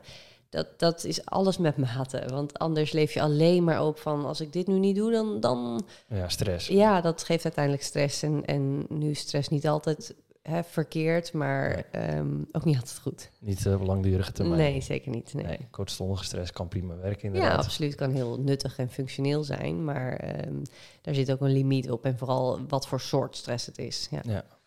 Hey, um, je schreef ook over uh, dat het handig is om uh, te journalen. dingen op te schrijven, s'avonds of s ochtends. Wat, kan heel goed werken. Wat, ja. wat, uh, wat, raak jij aan, uh, aan mensen die daar bijvoorbeeld mee willen starten en wat levert het op? Ja, ik, ik, ik, ben altijd wel. Hè, het, is, het kan zo'n hype zijn. Ik, had toevallig laatst een, uh, zo'n reel gemaakt, er werd dan ingefluisterd. Um, iets van. You better fix my entire life, you little shit. En dan dacht ik, oh ja, bij journaling of dat soort dingetjes, mediteren, journalen, allemaal van dat soort bijna hypes van, oeh, dat moet je nu gaan doen, want dan wordt heel, heel je leven beter. Is natuurlijk niet zo, maar het kan heel helpend zijn voor mensen die daar wat mee hebben. Ik heb bijvoorbeeld weer niks met meditatie. Een ander die, nou, die heeft daar heel veel aan. Dus kijk wat werkt voor jou. Als journalen iets is wat je wil gaan proberen en wat werkt voor jou, dan um, zijn er ook meerdere methoden in. Er zijn meerdere manieren waarop je kunt schrijven. Je kunt gewoon van je afschrijven. Gewoon, vooral s'avonds inderdaad, hebben vaak mensen nog een vol hoofd. Het is moeilijker om in slaap te vallen of ga je juist piekeren. Als je dat soort dingen bij jezelf merkt, kan het heel helpend zijn om dan gewoon letterlijk alles uit je hoofd te schrijven. Dus gewoon alles wat er in je hoofd omgaat aan gedachten, en dat zijn er nogal wat, gewoon eruit te pennen. Er zijn dan altijd mensen, hè, perfectionisten of... Uh, we hebben ook bijvoorbeeld in ons programma nu een ADHD'er die zei van... ja, maar mijn gedachten gaan snel en ik kan ze niet opschrijven... en ik weet helemaal niet, in, uh, al, ik heb al drie gedachten tegelijkertijd. Dan gaan we weer te moeilijk denken. Nou, dan kies je gewoon één van die drie. Of de ene die er wel een keer uitpopt, die schrijf je op. Het hoeft niet perfect. Je hoeft niet letterlijk alles en ook niet in goede zinnen. Schrijf maar gewoon. Dat kan heel goed helpen voor sommigen, voor sommigen niet. Ochtends focus ik persoonlijk liever op wat is mijn intentie voor de dag? Wat wil ik graag? En dan niet een intentie van ik wil de hele dag weet ik veel, de perfecte moeder zijn. Want uh, wat is dat dan? Nou, als ik uh, meteen stoot en uh, vloek, ben ik dan niet meer de perfecte moeder? In mijn boekje niet hoor, want het maakt een spel onze dagelijkse kost. Maar het, het is al heel snel dat we dan denken, oh, vandaag moet, moet perfect zijn. Um, dus ietsje kleiner naar, oké, hoe, hoe, wie wil ik zijn vandaag? Hoe wil ik me voelen vandaag? Hoe voel ik me op dit moment? Even erkennen, even stilstaan bij... En vervolgens dus iets meer shiften naar de, meer de intentie van oké, waar wil ik op focussen vandaag? Hoe wil ik mijn reticulair activatiesysteem vandaag inzetten? Waar wil ik vandaag meer van zien? Werkt niet magisch, tenminste, dat is niet mijn visie. Um, maar je brein gaat daar wel mee aan de haal. Um, ja, god, en dan heb je nog allerlei journaling prompts, zoals we dat dan heel uh, fancy in het Engels zeggen, wat gewoon vragen zijn die je jezelf kunt stellen of die je nou, desnoods kan downloaden van het internet gewoon vragen als um, wat zou je doen als? Of uh, als klein meisje, wat wilde je doen? Of, of, je hebt allerlei vragen die je jezelf kunt stellen. Als je gevoel iets tegen jou kon zeggen, wat zou het dan zeggen? Dus je kunt heel erg inzoomen op een bepaald gebied. Als je bijvoorbeeld van jezelf weet, ja, ik, ik kom moeilijk bij mijn gevoel, of ik luister eigenlijk nooit naar mijn gevoel, of ik, of ik ben er helemaal niet mee bezig, kun je eens een keer een, een brief schrijven aan je gevoel, of juist vanuit je gevoel aan jou. Dus als je merkt dat je elke dag eigenlijk gewoon een beetje pissed off bent, oké, er zit dus boosheid. Wat zou die boosheid op dit moment tegen jou willen zeggen? Of wat zou je tegen je boosheid willen zeggen? En um, dat kan bijvoorbeeld goed werken. Um, hè, bijvoorbeeld als mensen heel snel angstig zijn of heel snel een beetje, uh, van, een beetje gestrest. Oké, ik schrijf dan graag een brief van oké, dank je, weet je wel, thanks dat je er bent, dat je mij behoedt van allerlei gevaarlijke dingen die jij ziet als levensbedreigend voor mij, wat ze uiteindelijk niet zijn, maar je ziet ze wel zo, bedankt. En ik neem nu weer even de touwtjes in handen en ik ga nu weer even doen wat ik belangrijk vind. Er zijn zoveel manieren, methodes waarop je met jezelf, aan jezelf, naar jezelf kunt schrijven. Um, wat voor heel veel mensen heel helpend kan zijn, therapeutisch bijna. Ja, ja en je zegt ook, uh, je geeft ook als mooie tip als mensen dus uh, nou veel aan hun hoofd hebben en daardoor niet in slaap kunnen komen, uh, schrijf het van je op. Dat is een stukje rust. En waarom is rust gedurende de dag zo belangrijk om dat af en toe even in te bouwen? Om heel veel redenen, denk ik. ik bedoel, het leven gaat natuurlijk super snel. Ja, maar dat is natuurlijk een beetje de, de, de red race waar we in zitten. Ja. Je gaat van, van die activiteit naar die activiteit ja. naar die activiteit. En Tussendoor scrollen de mensen op hun telefoons om even de tijd te doden. Ja. En, uh, Continu informatiestroom. En waarom is die rust dan zo belangrijk om even niks te doen? In principe uh, heeft jouw brein natuurlijk gewoon tijd nodig om te kunnen breinen.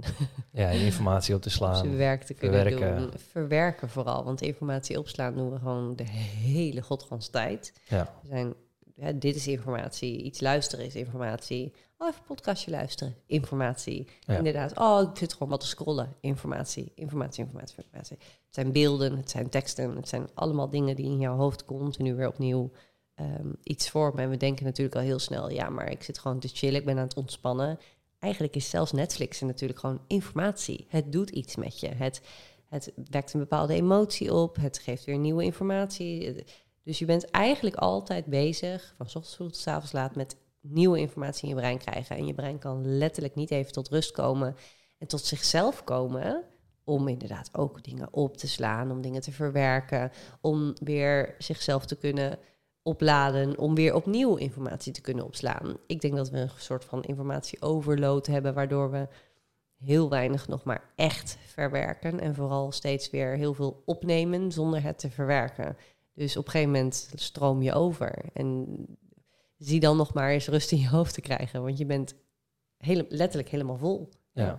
En dat kan dus bijvoorbeeld weer slaapproblemen opleveren. Meer stress, slaapproblemen, ja. Uh, moeite met je emoties reguleren, kort lontje. Dat kan van alles opleveren, ja, absoluut. Ja. Um, ik wil nog even terugkomen op, uh, op het stukje uh, gedachten. Je had een mooie quote daarin. Het leven is niet uh, maakbaar, maar stuurbaar. Uh, dus er is een bepaalde ruimte uh, als er iets gebeurt en hoe jij daarop reageert. Zou je dat wat verder uit kunnen leggen? Ja, ehm, het leven is niet maakbaar. Dat, dat is inderdaad, daar sta ik achter. Gewoon om het, om het ja, voor mij heel obvious feit van.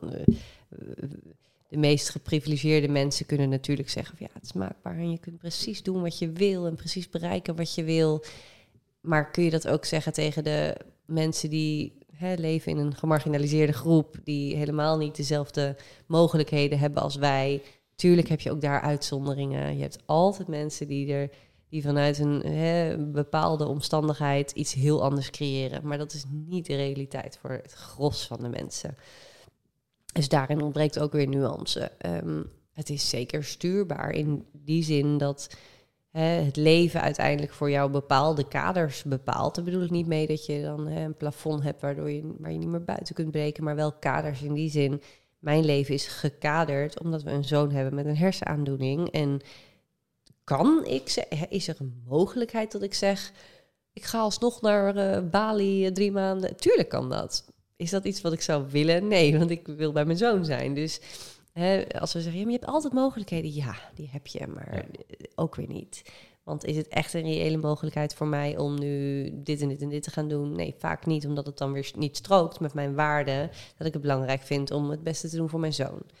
Um, en zo heb je natuurlijk duizend andere voorbeelden van mensen met nog weer hele andere posities. Uh, die, uh, met, uh, laten we zeggen, vluchtelingen en noem maar op.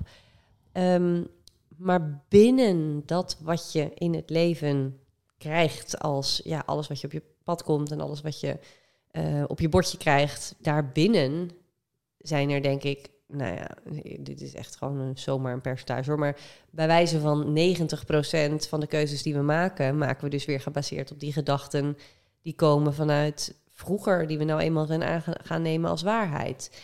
En maar 10% denken we, hé, hey, maar wacht eens even. Klopt het wel?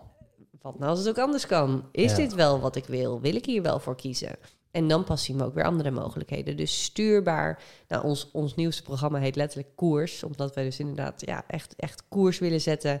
Sturen naar steeds weer opnieuw wat op dat moment voor je werkt. Want er is ook nooit natuurlijk, ja, dit is voor eeuwig nu wat werkt. Nee, altijd weer bijsturen. Want het leven gaat toch wel weer een curveball gooien. Of hè, er gaat weer iets gebeuren. Wij, wij zitten nu weer in een traject voor een tweede kindje. Geen idee. Gaat dat lukken? Gaat het niet lukken? Dat, dat gaat uiteindelijk weer een nieuwe, nieuw kader geven in mijn leven. Hoe het er dan weer uitziet. En daar moeten we weer op aanpassen en weer binnen sturen. Binnen dat stuurbare gedeelte denk ik dat nog zoveel mogelijkheden voor zoveel mensen liggen.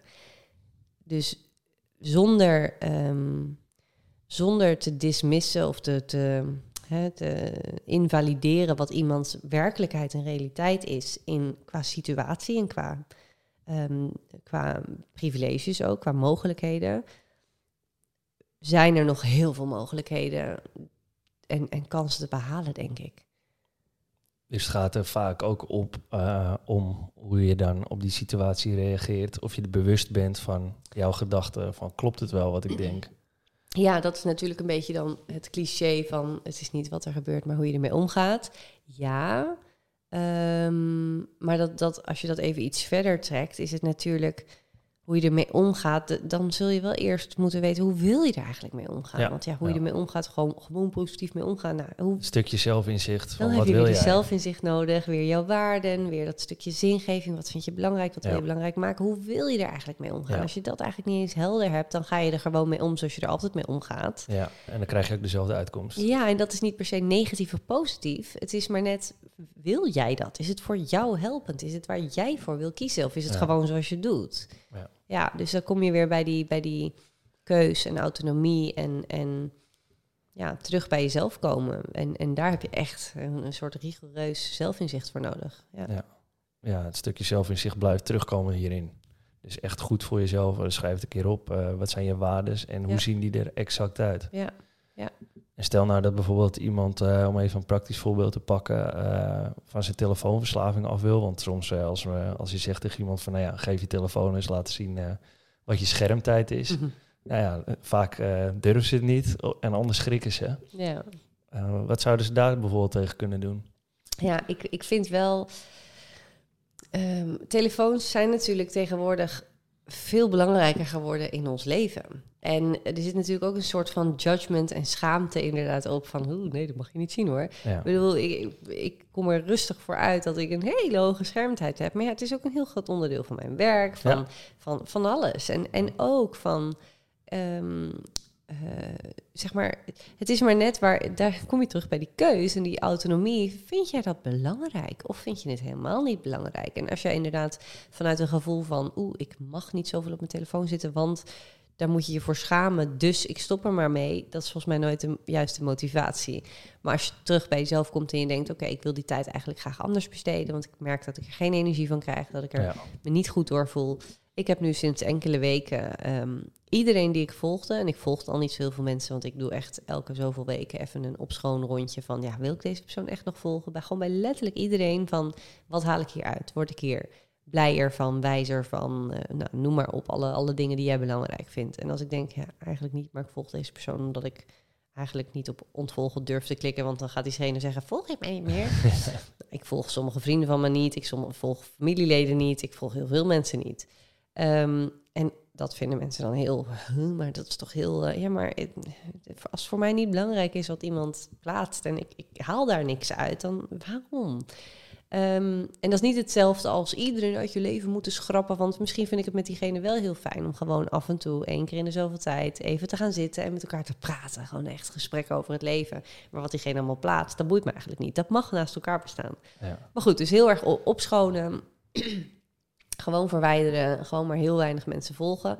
En nu ben ik ook nog eens van al die mensen, um, nou, ik denk uh, 95 procent, uh, gaan ont, ont uh, hoe noem je dat ook weer, dempen. Gaan dempen, niet ontdempen, oh, je, gaan dempen. Dus ik zie geen ja. posts en ik zie geen stories. Ik kan ze zien als ik heel bewust naar hun account ga en er heel bewust op klik, dan zie ik het. Maar als ik dat niet doe, dan komen ze dus niet als nieuw in mijn feed terecht. Dus in mijn feed heb ik gekozen voor vier mensen of zo. Ah, ja. Vier mensen waarvan ik denk, ja, weet je wel, dit, dit is wat mij nu echt iets brengt en wat ik nu graag wil zien. Um, en die vier mensen die komen steeds opnieuw voorbij. En ik ben dus in mijn Instagram rondje zo klaar. Ah, want ik heb het gezien en ik denk, nou, er is niks nieuws meer. En ik leg hem weer weg. Ja, precies. Dat kun je natuurlijk een beetje roleren. Dat je denkt, oh nu doe ik deze even dempen, doe ik weer een ander erbij. Precies, ja. Zonder dat ik ze helemaal hoef te ontvolgen. Ik heb ze wel ergens in een rijtje staan waarvan ik denk, oh, als ik het even wil zien, dan kan ik dat bewust doen. Dat komt ook weer terecht op keus en autonomie. Zelf bewust kiezen, wil ik dat zien of niet? In plaats van maar gewoon het over me heen laten komen en standaard alles maar gewoon zien, omdat het nou eenmaal er staat. Want hè, jouw brein gaat sowieso op zoek naar die dopamine van elk rood bolletje gelijk weer aanklikken en oh, oeh, er is weer iets nieuws. Terwijl als je er echt over nadenkt, er is weer iets nieuws van die en die. Maakt me dat echt uit? Eigenlijk niet. En toch gaat je vinger er naartoe en drukt erop. Is toch bizar hoe dat brein werkt? Maar dat is wat de hele dag gebeurt. Oh, weer iets nieuws. Oh, staat er iets. Oh, staat er iets. Ja, daarom heb ik ook bijna allemaal notificaties uit. Heb ik al jaren 100% uitstaan. Letterlijk 100%.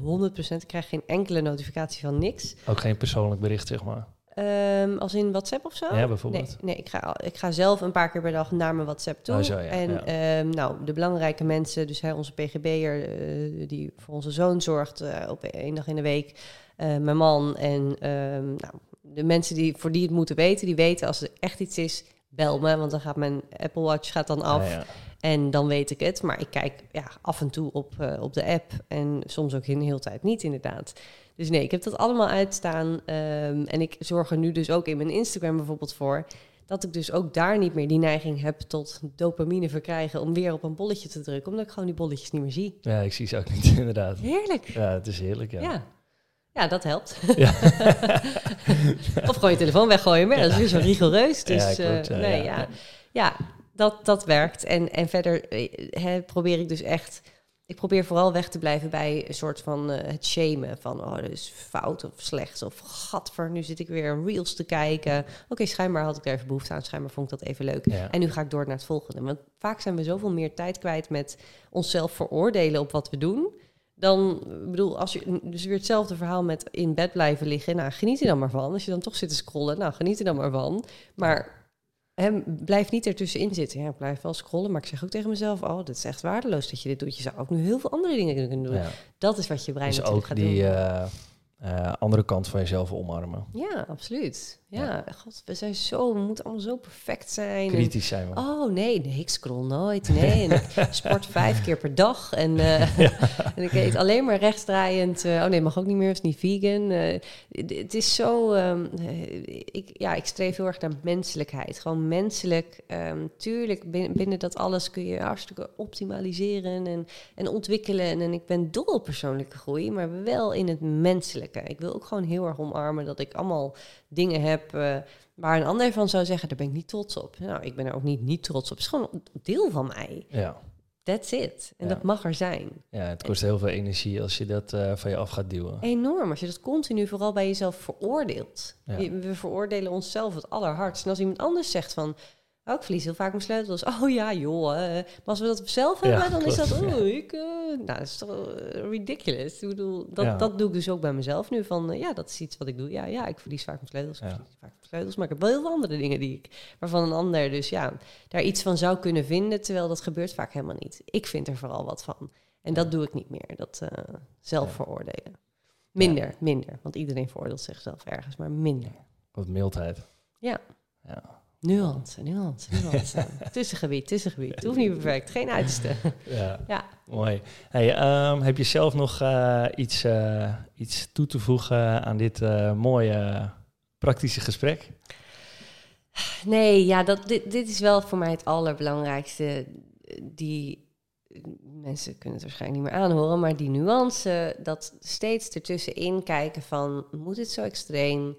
Um, ja, je kunt kijken, kan dit ook anders? Maar moet het altijd meer, beter, beter, anders? Uh, soms is het ook gewoon goed genoeg. Um, en vooral, ja, geldt dit echt voor iedereen? Geldt dit ook voor mij? Ik kan het ook op mijn eigen manier. Wat is dan mijn manier? Daar hebben jullie zelf inzicht voor nodig.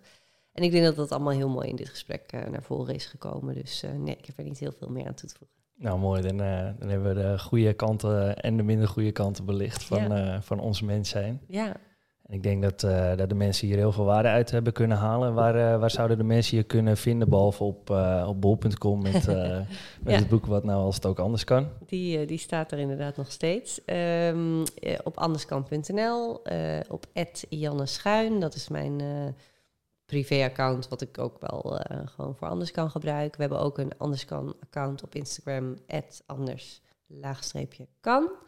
Um, ik denk dat dat de voornaamste kanalen zijn.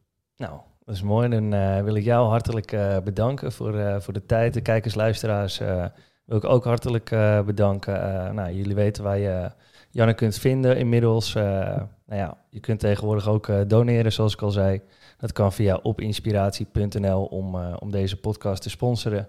Ehm, nou, iedereen hartelijk bedankt. En ik denk dat er weer heel veel mooie praktische tips voorbij zijn gekomen. Fijn. Thanks.